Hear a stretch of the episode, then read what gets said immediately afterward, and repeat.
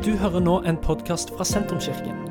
Vår bønn er at du skal få lov til å oppdage mer av hvem Gud er, og hva slags liv han har for deg. Mer informasjon om hvem vi er og hva som skjer i kirka, befinner du på sentrums.no og i sosiale medier. Guds rike er et måltid. Eh, Det er mer enn et måltid, men det er òg et måltid. Eh, På tirsdag så har vi i Sentrumskirka en sånn fast kontorstabsdag. eh, Hvor vi begynner dagen med eh, et stabsmøte. Og så prøver en å legge mange av de planleggingsmøtene som trengs. De prøver en å legge til tirsdagen.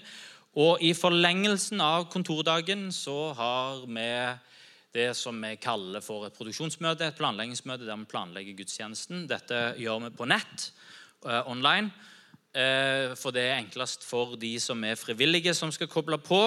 Eh, og så varer det en halvtime, aldri lenger. eh, sånn at, eh, og der gjør vi ikke så mye mer enn å bare gå gjennom gudstjenesten som var. Se er det noen eh, ting vi kunne gjort annerledes, hva funka bra, hva Eh, Hva kan vi lære til neste gang hvis det var noe som gikk galt? Eh, Og, og så ser vi på gudstjenesten som kommer, planlegger å gå gjennom den. Eh, Og det er sånn fast, eh, fast, eh, fast punkt på tirsdagen. Eh, Kjell Roar og meg er, er jo med på dette fra kontoret, så vi tar det i forlengelsen av kontordagen. Og så når, eh, når det er ferdig, klokka halv fem, da er det rett hjem og spise middag. Sånn ser, min, sånn ser min tirsdag ut. På tirsdag, to dager etter at jeg selv har prekt om betydningen av måltidet og spise sammen Jeg har gitt eksempel fra en australsk undersøkelse som forteller at det viktigste av de parametrene som en undersøkte i denne undersøkelsen, det viktigste en far kan gjøre for sitt ekteskap og sin familie, det er å spise middag sammen med familien sin lenge. Og Dette malte jeg ut såpass sist søndag at jeg snakket også om å forlenge måltidet med en is eh, for å, og litt kaffe for å få måltidet og samtalen til å vare lenger. Eh, Allikevel, på tirsdag, to dager etterpå, eh, når jeg skulle pakke sammen og dra rett hjem, så ble jeg stående og snakke med Kjell Roar etter, eh, etter dette møtet i en time! Eh, Sånn at når jeg kommer hjem, så er det den der kjedelige at eh, der er bare et bord med en tallerken på. Eh, og så eh, middag som har blitt kald, som må varmes opp. Trist. Trist. Det var ikke det at det, samtalen med Kjell Roar ikke var viktige. Eh, for det er alltid viktig å snakke med Kjell Roar. Eh, men eh, Eh, Men eh, det forteller meg noe om det som jeg har lyst å preke om i dag. At det er lett å hoppe over måltidet. Det, det er faktisk viktig at vi løfter dette opp. For det, til tross for at en sier at dette er viktig, så prioriterer vi gjerne annerledes i praksis. Å spise sammen, måltidet, det er viktig. I denne serien som vi har eh, kalt 'Spis med oss', så vil vi løfte opp betydningen av måltidet. Eh, Det gjør livet godt å spise sammen. Vi vil koble måltidet sammen med troen på Gud. Måltidet er betydningsfullt i seg sjøl. Samtidig så sier måltidet noe viktig om Guds rike, om Jesus, om menigheten og, eh, og om evangeliet, faktisk. Eh, Og vi vil løfte fram gjestfriheten og sjenerøsiteten som ligger i invitasjonen og det å invitere til måltid. Eh, Og Det er faktisk også et godt bilde på hvordan Guds rike fungerer. For Guds rike er et måltid med en invitasjon. Eh, Og Vi skal lese i dag fra Lukas 14, og i dag får du det på skjerm òg. Vi skal lese en lang tekst, Lukas 14, fra vers 1 og til vers 24. Skal vi se, Jeg skal få det opp her, så får dere det opp på skjermen. Og så leser vi i Jesu navn. Og vi ser jo at det begynner så fint. En gang var Jesus innbudt til å spise. Så Det hender for øvrig hele tida i Lukas evangeliet. Jesus var innbudt til å spise hos en fariseer som var medlem av rådet. Det var sabbat, og alle holdt øye med han. Eh, det var en mann der rett foran han som led av vann i kroppen. og Jesus spurte de lovkyndige og fariseerne er det tillatt å helbrede på sabbat eller ikke. Men de tidde. Da rørte han ved mannen, helbredet han og lot han gå. Og han sa til dem, om en av dere har en sønn eller en okse som faller i brønnen, vil han ikke da straks trekke de opp, selv om det er sabbat? De kunne ikke svare på det. Husk at eh, Jesus sier bl.a. at eh, det er ikke sabbaten som det er ikke mennesket som er til for sabbaten, men sabbaten som er til for mennesket. Så her handler det om å forstå hva som er formålet, det dypere formålet med det som Gud har tilrettelagt for. Eh, etter dette hadde skjedd, så la han merke til hvordan gjestene valgte seg ut de øverste plassene ved bordet. Og Da sa han til dem en lignelse. Når du blir bedt i selskap, så ta ikke plass øverst ved bordet, for kanskje er det innbudt en som står høyere enn du. Slik at verten som innbød dere begge, kommer og sier til deg, gi plass for denne gjesten. Da vil du med skam måtte gå og sette deg nederst. Nei, når du er innbudt et sted, skal du ta plass nederst ved bordet. Slik at verten kan si til deg når han kommer, venn Dette er jo det som skjer i kirka. Alle har lest dette, og alle setter seg helt bakerst. Eh, og så, og så, kommer verten inn, pastoren sier jo 'Venn, kom ned litt, eh, ta plass her framme'. Eh, slik at verten kan si, si, til deg når han kommer 'Ja, venn, sett deg høyere opp', eller lenger ned, blir det jo her i dette tilfellet. Da blir du hedra i alle gjestenes påsyn. Ikke sikkert det oppleves sånn hvis det er på en gudstjeneste. Eh, for hver den som setter seg sjøl høyt, skal settes lavt, og den som setter seg sjøl lavt, skal settes høyt. Han sa òg et ord til verten. Når du skal ha gjester til middag eller kveldsmåltid, skal du ikke be venner eller søsken eller slektninger eller rike naboer, for de kommer til å be deg igjen, og dermed får du gjengjeld. Nei, når du skal holde selskap, så innby fattige, uføre, lamme og blinde. Da er du lykkelig, for de kan ikke gi deg noe igjen, men du skal få lønn for dette når de rettferdige står opp fra de døde.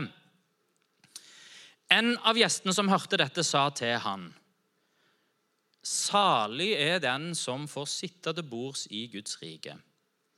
Men Jesus sa til han, Den mannen hadde jo forstått noe. Guds rike er et måltid. Salig er den som får sitte med det måltidet.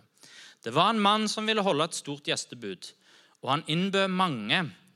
Da tiden for gjestebudet kom, sendte han tjeneren sin av sted for å si til de innbudte, 'Kom, for nå er alt ferdig.' Men de begynte å unnskylde seg, den ene etter den andre. En sa, 'Jeg har kjøpt et jordstykke.' Og må gå ut og se på det. Vær så vennlig å ha meg unnskyldt. En annen sa jeg har kjøpt fem par okser og skal ut og prøve de. Vær så vennlig å ha meg unnskyldt. Og en tredje sa jeg har gifta meg, derfor kan jeg ikke komme. Tjeneren kom tilbake og fortalte dette til herren sin. Da ble husherren sint og sa til tjeneren, gå straks ut på byens gater og torg, hent inn de fattige og uføre og blinde og lamme. Tjeneren kom tilbake og sa, herre, jeg har gjort som du sa, men det er ennå plass. Da sa Herren til tjeneren, gå ut på veiene og stiene og nød folk til å komme inn, så huset mitt kan bli fullt. For det sier dere, ingen av de som var innbudt, skal få smake fest... Ja, Det var jo en litt sånn krasse måte å avslutte på. Skal få smake festmåltidet mitt.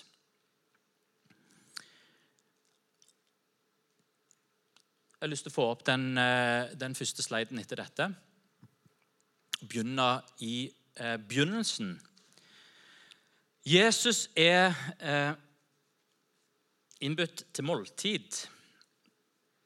Eh, og eh, her kan vi bare fortsette fra der vi slapp sist uke. Vi møter Jesus i måltidet. Eh, Jesus møtte sine disipler etter oppstandelsen i et måltid. Han gir ordet til Peter som på mange måter blir eh, si, de definerende ordene for Peters tjeneste og det som Peter skal gjøre med livet sitt. Det gir han i etterkant av et måltid. De spiser sammen. 'Kom, er dere sultne? Kom her. Jeg har, jeg har steikt brød og fisk. Eh, la oss spise sammen.' Omsorg for oss. Han er til stede. En kan møte han der. Og så snakker han til Peter gjennom måltidet. Um, når Jesus viser seg for disiplene uh, første gang i Lukasevangeliet, da har de ikke måltid. Uh, eller Da er det ikke Jesus som inviterer til måltid, men det første som han sier til disiplene når han møter dem, det er, eh det er ha, Har dere noe å spise? Og de sier ja, vi har noe stekt fisk. Så, så det er flere sånne møter som Jesus har med disiplene etter oppstandelsen, som handler om at de spiser sammen. Eh, Jesus går sammen med disiplene som skal til Emmaus. Eh, han snakker med dem, har en samtale der de kjenner at det, det Oi, nå brenner det på innsida. Og så eh, blir de sultne, så setter de seg ned, lager bål. Og så spiser de ved siden av bålet. Og så bryter Jesus brødet, og så sier de Oi, det er jo Jesus. Vi har jo spist sammen med han mange det, Med måten han bryter brødet, så forstår vi at dette her Vesna sier det, er, eh, Alle mennesker har sin måte å spise på. Eh, som gjør at når du er sammen med folk altså du, du, kan på en måte skille den spisinga ut fra den spisinga fra den spisinga fra den spisinga. Eh, noen har diskré, fine måter å spise på, og eh, andre på en annen måte. Eh, og nå skal ikke jeg si eh, Men her er det jo noe med måten Jesus har måltidet på. En har spist så mye sammen at selv om det var på en måte litt skjult for øynene deres at dette var Jesus, så forsto de det når han brøt brødet. Gjennom hele Lukasevangeliet. Og det er ikke bare Lukasevangeliet, men det er veldig tydelig i Lukasevangeliet. Eh, så ser vi at Jesus er til stede i et måltid. Rammen for mange av de kjente historiene er enten et det, det bryllup, det er fest, det er gjestebud, det er middager eller måltider. Dette er òg et måltid, og Jesus helbreder en mann med vann i kroppen. Hovedpoenget er jo ikke at det skjer i et måltid, hovedpoenget er at det skjer på sabbaten. Jesus gjør et poeng ut av at det ikke er sabbatslovene som er viktige, men eh, at det er, for, det, det formålet med sabbaten som er viktig. Hva ønsker Gud å gjøre i sabbaten? Han ønsker å eh, gjenskape, han ønsker å fornye, han ønsker å gi hvile, han ønsker å gi helbredelse. Sabbaten er jo den er som Jesus sier, det er, ikke, det er ikke mennesket som er til for sabbaten for å holde alle budene om hvordan en skal oppføre seg på den dagen, men det er sabbaten som er til for mennesket for å gi hvile, for å gi fornyelse, for å gi helbredelse og for å gi rekreasjon. Det er en god måte å leve på. Seks dager til å jobbe og én dag som er annerledes. Og Her så er fariseerne opptatt av lovbokstaven og sier kommer han til å gjøre noe som er forbudt. Eh, er det lov å helbrede på sabbaten? Og Jesus sier ja, det er det som er hele formålet med sabbaten. Det er at Gud gir helbredelse og fornyelse og gjenskaper oss i hvilen og i det som skjer når en har en dag som er av. Det minner oss om å ikke lese Bibelen først og fremst som en lovbok, men å se hva er det Gud ønsker gjennom lovene og budene sine. Og grunn, hele grunnloven som, som, som, som, Bibelen er fundert på, eh, sier Jesus hva er, det, hva er det, det, største og det viktigste budet. Elsk Herren din Gud av hele ditt hjerte, av hele din sjel, av all din forstand, og elsk din neste som deg sjøl. På disse to så hviler hele loven og profetene. Vi kan kalle dette for Guds rikes grunnlov. Den spedalske ble, nei, spedalske, det var en som hadde vann i kroppen. Han blir eh, helbreda på sabbaten, og han blir helbreda i et måltid. Og han møter Jesus i et måltid. Fins det noen bedre måte å bruke en hviledag, fridag, sabbat på enn å ha måltid med familie og venner? Fins det en bedre måte å bruke hverdagen på enn å ha et måltid sammen med familie og venner? Kanskje burde vi gjøre det oftere. Vi møter Jesus i måltidet. Uh, Guds rike er et måltid. Uh, og Jesus bruker denne anledningen først så helbreder han denne mannen som er syk. Så bruker han anledningen til å minne alle om at Guds rike er som et måltid. Et stort gjestebud, en kjempefest med mat i sentrum. Sånn er Guds rike. Guds rike er som gjestebudet.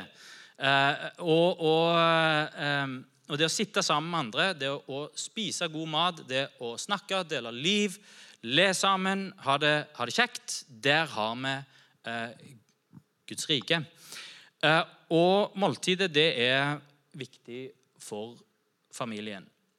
Sist uke så nevnte jeg at måltidet eh, sammen som familie, for de som har familie, gjør så mye for de som vokser opp der. Det gjør mindre rusproblemer, det gir bedre karakterer, det gir eh, altså mindre lekser og mer måltid. Eh, eller lekse òg. Lekse og mindre mobiltelefon, mer måltid. Eh, bedre sosiale, eh, eh, so, sosial kompetanse. Det gir bedre ordforråd, sunnere livsstil, og det gir bedre kosthold. Eh, det, det, er, det, er, så mange, og det er flere enn dette òg. Det er en lang liste med, med, med, ting som slår inn for de familiene som jevnlig spiser måltid sammen. I tillegg så holder dette altså både familien med, eh, Det er jo mange saying. Jo, eh, de som ber sammen, de holder sammen. De som spiser sammen, de holder sammen. Det er noe der òg, for det, det holder familien og det holder ekteskapet sammen. Og, så, eh, og, Dette gir jo verdi til ikke bare festmåltidene, til gjestebuda, til de store anledningene, til julaften og til søndagsmiddagen. Det gir verdi, eh, verdi til hverdagsmåltidet, spagetti med, med kjøttdeig og tomatsaus. Eh, grandiosa når en ikke hadde tid til å lage middag, men en stekte opp en haug med Grandiosa, så hadde en det fint sammen likevel. Det gir verdi til poteter med hvit saus og fiskeboller. Eh, fordi, og revne gulrøtter. Det gir verdi til hverdagsmåltidet fordi en spiser sammen, og en deler liv og en har fellesskap. Den gode samtalen kommer ut av måltidet. Husk derfor å alltid ha en is i frysen eller noe annet søtt som gjør at en kan ta ut etter at middagen er ferdig, og forlenge, prøve å forlenge måltidet med 10 minutter eller 15 minutter. Men måltid er òg viktig for vennskap. Det er en eh, undersøkelse som, som, jeg fant fra Oxford University, som har en litt sånn ullen konklusjon. At det å spise sammen med gode venner gir gode følelser. Det er i praksis det som undersøkelsen viser. Altså Det gir lykkefølelser. Det gir opplevelse av tilfredshet med livet. Men litt mer utover det òg. Det gir òg en opplevelse av å ha tilhørighet til det større fellesskapet der som en bor. Så når en spiser sammen med venner, så plasserer det deg sjøl i verden, der som du bor, som en del av fellesskapet. Um, med andre ord oppsummert livet er godt når en spiser sammen med venner. Og jo mer en spiser sammen med familie og venner, jo mer tilfreds er en. Så, så det er nesten sånn at en kan lure på om at hvis livet var et eneste langt måltid, så var en på peak av tilfredshet. Ehm, så måltid med familie og venner gir en opplevelse av trivsel og av et godt liv. Eh, og vi kan få den neste eh, sliden. Eh, for det, denne undersøkelsen fra Oxford eh, Så til tross for at eh, folk da rapporterer tilfredshet og lykke og tilhørighet, fellesskap og vennskap gjennom måltidet, så rapporterer langt de fleste av de som er med i undersøkelsen, at de sjelden eller aldri spiser sammen med andre. Så det, er en sånn mismatch som eh, er Og dette er fra Storbritannia, men jeg, er, jeg tror kanskje det kan være litt likt hos oss òg. At veldig mange vil nikke og si ja. Spise sammen med venner, spise sammen med familie, det gir opplevelse av tilfredshet. Men så skal en begynne å se gjennom kalenderen og se hvor ofte skjer det. Og så ser en at i praksis så skjer det kanskje litt for sjelden. Um, så her er en oppfordring. Sett måltidet høyt, og inviter andre til og det er litt av, eh, og det er jo poenget i denne lignelsen òg. Det, det, er ikke bare et måltid, men det er en invitasjon til måltidet. Eh, og da sier Jesus to formaninger. Først sier han en formaning til gjesten. Til deg som er gjest, som blir invitert, vær ydmyk. Uh, Jesus tenker at måltid er så viktig at en gir ord til alle som er invitert. Ikke gi deg sjøl en posisjon som du ikke har fått ifra verten. Eh, vær ydmyke.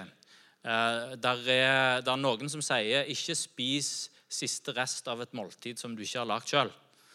Eh, det, det, er sikkert noe som Vestner kunne sagt til meg. Eh, hva, eh, hva, hva er tommelfingerregelen? Hva er det Jesus egentlig vil si? Vær en sånn gjest som det er kjekt å invitere. Vær en ydmyk gjest. Vær en gjest som ikke tar en posisjon som ingen har gitt deg, som forlanger å bli servert, som grabber til seg. Vær en tjenertype gjest. Det er så fint å ha besøk av gjester som litt uoppfordra blir med og tar av bordet. En kan jo si nei, du trenger ikke det, og så mener det, og så trenger en ikke det. Men, men det med også Nei, jeg, jeg, kommer her og er med og tjener og er en del av det som skjer. Tar på seg en tjeners skikkelse, som det står om Jesus. Eh, jeg glemmer sånne ting stadig vekk og trenger å minne meg sjøl på det. Eh, vær en alliert med verten istedenfor en som sitter og venter på å bli servert. Så det sier Jesus til gjestene. Vær ydmyk. Ta imot innbydelsen til måltid, men vær en ydmyk gjest. Og så gir han et ord til verten. Inviter uten å forvente å få noe igjen. Vet du, jeg tror at I Norge så inviterer vi hverandre så sjelden til å spise sammen at det er nesten sånn at vi ikke trenger å ta med denne formaningen fra, fra Jesus. Jeg vil nesten stryke over Jesus' sin formaning om ikke invitere eh, venner eh, og, ja, og, familie og si jo, inviter venner og familie, men ikke stopp der. Eh, for kanskje, hvis det er sånn at hvis vi skal invitere noen andre enn venner og familie, så inviterer vi ingen. Eh, så inviter. Men hva kan det bety i vår Ikke inviter for å få noe tilbake. Det, det som er Jesus sitt poeng. Du inviterer en, en, en rik nabo med tanke på at jeg inviterer den rike naboen. Han må komme, for det er kutyme når jeg er invitert. Kanskje han vil gi meg etterpå et, et, et, et stort, flott måltid eh, for å på en måte betale tilbake det at jeg var på besøk hos han. Ikke inviter uten å forvente å få noe igjen. Og Her sier Jesus eh, Det er interessant å se hvordan, han sier det når dere inviterer. Det er det samme som han sier når dere ber, når dere faster. Så det ligger en forventning under her at dette er noe som, som, som en del av eh, livet i Guds rike, det at en inviterer på måltid. Jeg elsker mitt barndomshjem for dette.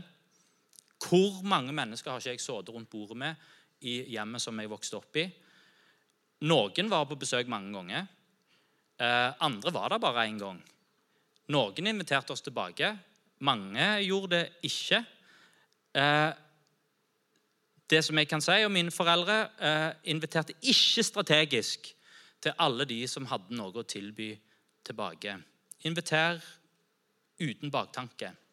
Vær og I businessverdenen er det noe som heter det fins ikke noe sånt som en gratis lunsj. Eh, og Der blir en lært opp eh, knallhardt i mange eh, i forretningsverdenen at du skal ikke ta imot noen ting som helst. Hvorfor? For det, plutselig er du i en posisjon der du, du skylder den som har gitt deg noe gratis. Jeg må på en måte gi noe tilbake, og det skal en ikke ha noe av. Så Derfor er det bedre å si nei til en gratis lunsj, for det er ikke noe som heter en gratis lunsj. Men det må ikke få lov til å prege hvordan en lever i Guds rike, for i Guds rike er det noe som heter en gratis lunsj. Eh, vi inviterer uten å forvente, uten en baktanke og uten å forvente at den andre skal gi oss noe tilbake.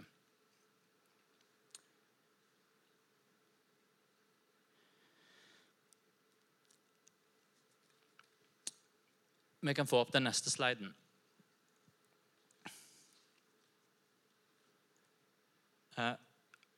Og Den alvorlige sida av eh, Jesus sitt budskap er jo at eh, en velger ofte bort måltidet. Eh, Jesus sier det er en bred invitasjon. Og Poenget er jo at mange sier nei, velger det vekk.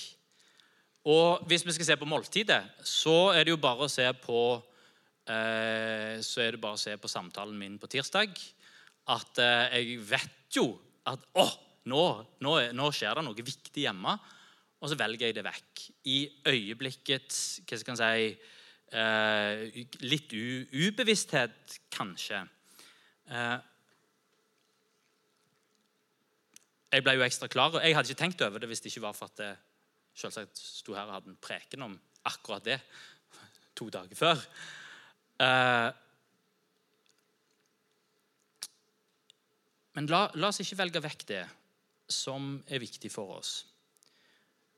La oss ikke, ikke, la, ikke la skjermen heller stjele måltidet og ta måltidet vekk fra oss. Spise foran hver sin skjerm, stjele samtalen, stjele oppmerksomheten, stjele fellesskapet. En er ikke til stede, er til stede et annet sted. Jeg synes Det er trist i skolen vår veldig mange steder at barn læres opp til å spise med, eh, med, med TV-en på. Eh, mange lærere som bare setter på eh, et eller annet Supernytt eller hva det er på barneskole, eh, bare for å få ro i, og for at ungene kan spise i ro. kan jeg foreslå i hjemmet vårt og i, under måltidene våre når vi er ute og spiser sammen, når vi er på besøk. Skjermfrie måltid. Legg mobiltelefonen og andre skjermer vekk. Tvinge til å spise med oppmerksomhet og se hverandre og være til stede. Og være til stede i samtalene eh, og kunne spise uten distraksjon. Ikke velg vekk måltidet, det praktiske måltidet, det vi spiser sammen. For det er et uttrykk for Guds rike. Inviter til måltidet og vær den forlengelsen av Guds rike og vær en smak og gi en smak av himmel. Guds rike og himmelens rike det er det samme. Når vi spiser sammen, så får vi en smak av Guds rike, en smak av himmelens rike, en smak av himmel. Og neste slide eh, så jeg, jeg, jeg tror bandet kan komme opp og gjøre seg klar bak. Eh, så er jo Hovedpoenget til Jesus er jo ikke at vi skal spise sammen. Det var kanskje gitt at en gjorde det på hans tid. Eh, hovedpoenget er at en ignorerer invitasjonen, den større invitasjonen som går til Guds rike. Eh, og det er det kanskje alvorlige spørsmålet som ligger under Jesus' sin lignelse. Eh, at det alt dette andre som opptar oss. Arbeid, familieliv, karriere, økonomi, hobbyer, alt som skjer, stress, ting som vi må forholde oss til rundt oss. Alt det tar på en måte plassen foran invitasjonen til dette gjestebudet. Invitasjonen til Gud. Eh, og Guds rike er som et måltid. Det er en fest. Det er godt. Det gir opplevelse av mening. Det gir eh, opplevelse av tilfredshet, av tilhørighet, av glede, av fellesskap. Og hvorfor skulle en ønske å velge vekk dette? Eh, det er litt som det faktiske måltidet òg. Hvorfor skulle en ønske å velge det vekk? Kanskje ønsker en det ikke engang. Men det er bare så lett at en gjør det fordi det er så mange andre ting som tar vårt fokus. Jesus fortsetter i dette kapittelet med å snakke om kostnaden av å være en disippel. Nå har vi ikke lest den teksten, men der, er han ganske, der bruker han sterke ord og sier at den som følger han, trenger å sette Gud over alle andre ting. Og over familien sin, over ektefellen. Eh, og Det er jo vanskelig å forstå hvis at en tenker at det er det som er inngangsbilletten. Men det er feil måte å se det på at det er det som er inngangsbilletten. Gi opp familien din, så får du Guds rike. Det er ikke det, det, er ikke det Jesus eh, snakker om. Gi opp jobben din, så får du Guds rike. Eh, gi opp karrieren din og gjør noe helt annet, så får du Guds rike istedenfor. Det er ikke det som er Jesus sitt poeng. Poenget er tilbedelse. Og hva er tilbedelse? Tilbedelse er hva du setter på toppen, og hva som er øverst, og som får påvirke alle de andre tinga. Det som vi tilber, det former oss. Vi kan velge å tilbe penger. Sette det øverst. Det å få tak på penger det blir det viktigste for oss. Jaget etter penger og ting, statussymboler. vet du hva? Det, det, det, det kan se glamorøst ut, men det, det biter en i bakenden, og så blir en materialist. Som kanskje trør over relasjoner, trør over familie, som ofrer gode ting for å få enda mer penger. En kan sette skjønnhet, seksuell nytelse, egentlig nytelse generelt, kan en sette øverst. Og så kan jo det se fint ut, men så kommer det òg for å bite oss i bakenden. Og en blir hedonister som lever fra nytelse til nytelse. Og, og, og, og, det er ikke sånn at livet er en eneste store reise av, av nytelse. Eller kanskje så er en setter intellektet sitt høyest, kunnskap og utdannelse. Men, men, men hvis det er det som en hele tida strekker seg etter, ja, men da kommer det òg for å bite deg i bakenden. For du blir en arrogant og begynner å se ned på andre. og 'Hvem er du, og jeg er litt bedre enn deg?'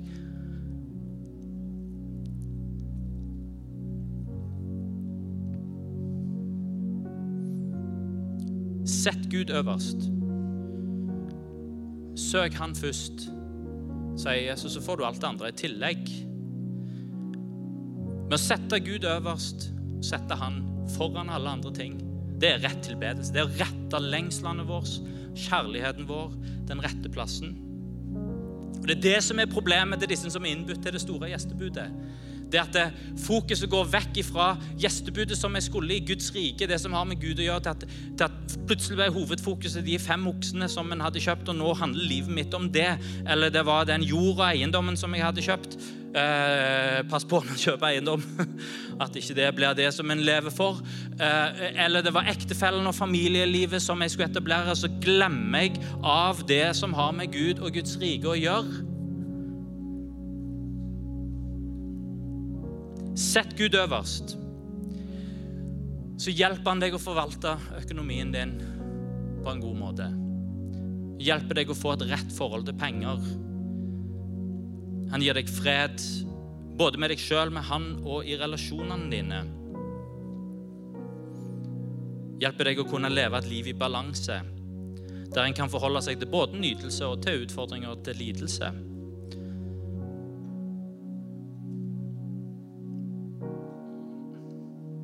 Sett Gud øverst.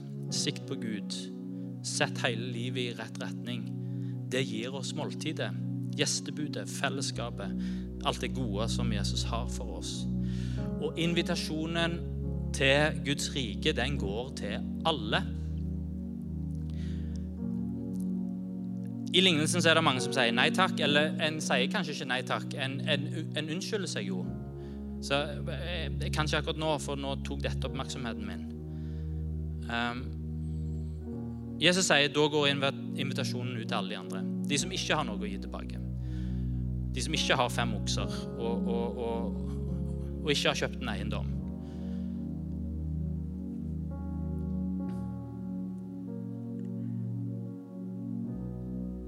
Og vi ser ofte eksempel på dette. Vårt samfunn er mange som klarer seg bra, som kanskje ikke har tid til å tenke på at det fins en invitasjon til Guds rike, til Gud. Og så er det mange som ikke klarer seg, som faller utenfor. Og så er det gjerne de som finner fram til Gud. Som, og det er det som Evangeliesenteret ser. Mennesker som har ødelagt livet sitt med rus med kriminalitet og med tull og tøys. Eh, og som er, sitter på bar bakke og har ingenting å gi. Og så sier Jesus nei, men der er en invitasjon som går eh, Der er mange som har sagt nei, men den går til deg òg. Og sier ja, jeg tar det som jeg kan få, og som finner nåde og forsoning med Gud og fred på innsida og et nytt liv. De som ligger for døden og ikke har noe igjen å tape. Det skjer i Norge igjen og igjen og igjen. En har kanskje levd litt på avstand fra Gud gjennom et helt liv, og så ligger en for døden. En vet jeg skal dø. Og hva er det som skjer? Jeg, eh, invitasjonen går ut til den òg. Og en sier ja, jeg, jeg tar imot. Jeg sier ja takk til invitasjonen. Hvor mange roper ikke på Gud i møte med døden, eller i alvorlig sykdom, eller i krise, eller når en har mista noen som en er glad i? Det betyr ikke at vi ikke er invitert når vi har alt på stell. Det er vi. Vi er invitert til måltid.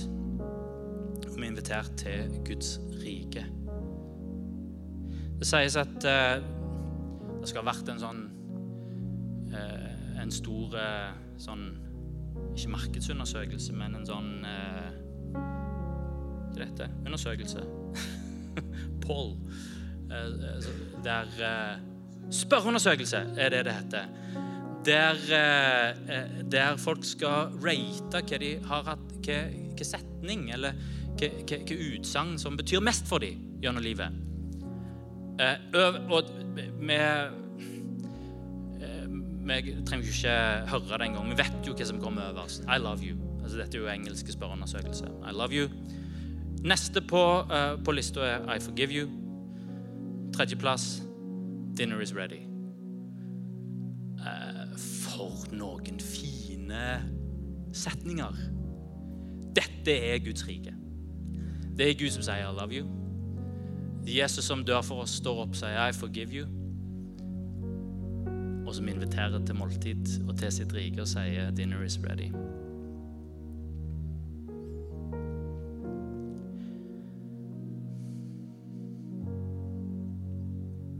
Guds rike er invitasjon til måltid. Og Jesus inviterer til måltid med Han. Og det vi skal gjøre nå, vi skal ta nattverd sammen. Eh, Og nattverd, det er et måltid for å minnes det som Jesus har gjort for oss. Det er bekjennelse av tro på Jesus. Nattverden uttrykker akkurat det som jeg har prekt om i dag, i dag at alle er invitert. Og, og eh, Vi venter litt med å begynne å dele ut ennå. Alle er invitert. Det betyr til deg som nylig har tatt imot troen.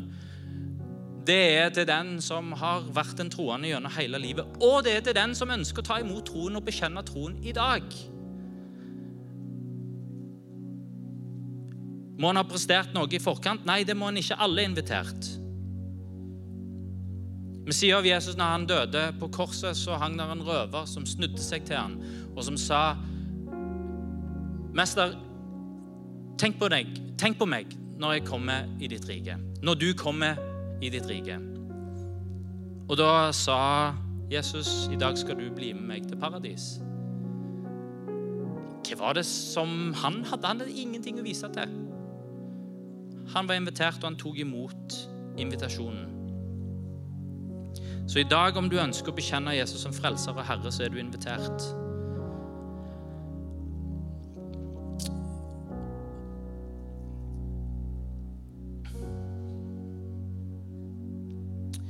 Så vi kan begynne å sende nattverdsbegeret rundt. Hvis vi kunne fått opp noen her òg, så hadde det vært fint. Skal vi se.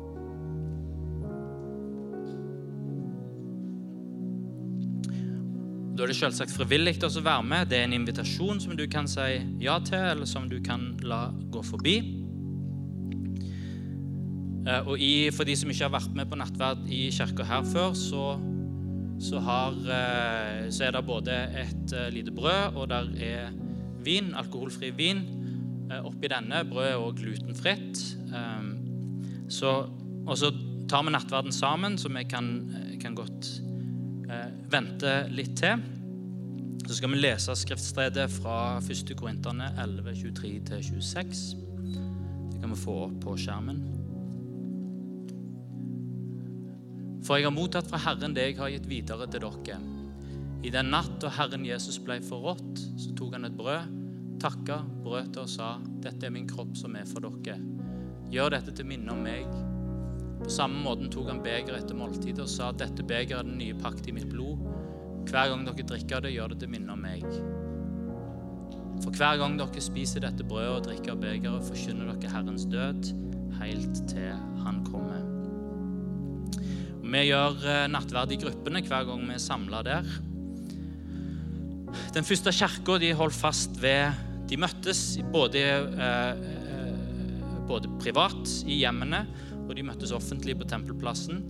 Og når de møttes i hjemmene, så holdt de fast ved bønn, og ved apostelens lære, ved fellesskapet og ved nattverden, så brødsbrytelsen. Så vi kan eh, gjøre oss nå Det blir litt komplisert for meg, men det skal gå bra. Da kan vi gjøre oss klar til å ta av eh, den øverste plastikken.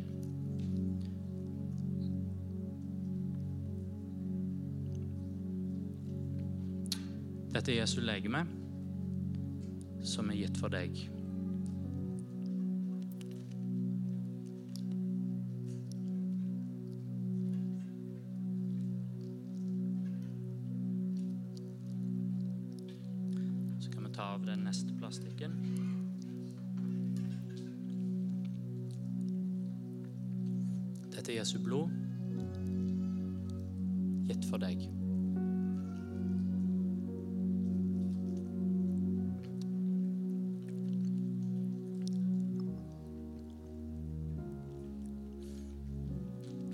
Sitter, så kan du godt bare be Du kan be en enkel takkebønn til Jesus, så ber jeg her fra scenen. Takk, Herre Jesus, at du er til stede i måltidet. Takk at du er til stede når vi samles til hverdagsmåltid. Når vi spiser med familie, når vi spiser med venner, til men når vi spiser alene, Herre. Takk at du møter oss i måltidet. Takk at du møter oss i ditt måltid. Takk at vi kan minnes deg, din død og din oppstandelse, og takk at vi får ta del i det. Takk at du er nær nå. Takk at vi kan få bekjenne din død og din oppstandelse. Og takk, Herre Jesus, for at vi er invitert til ditt rike, invitert til din nærhet, invitert til deg, Herre. Takk at du gir oss fred, du gir oss forsoning, du gir oss tilgivelse og tilhørighet, Herre. Herre, vår respons til deg, Herre, vi vil snu oss mot deg, sikte på deg med livet vårt, Herre. Sette deg øverst som, som, som øverste autoritet, Herre, som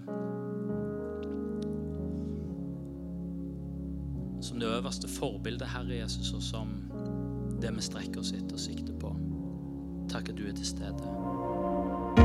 Dette er slutten på denne podkastepisoden.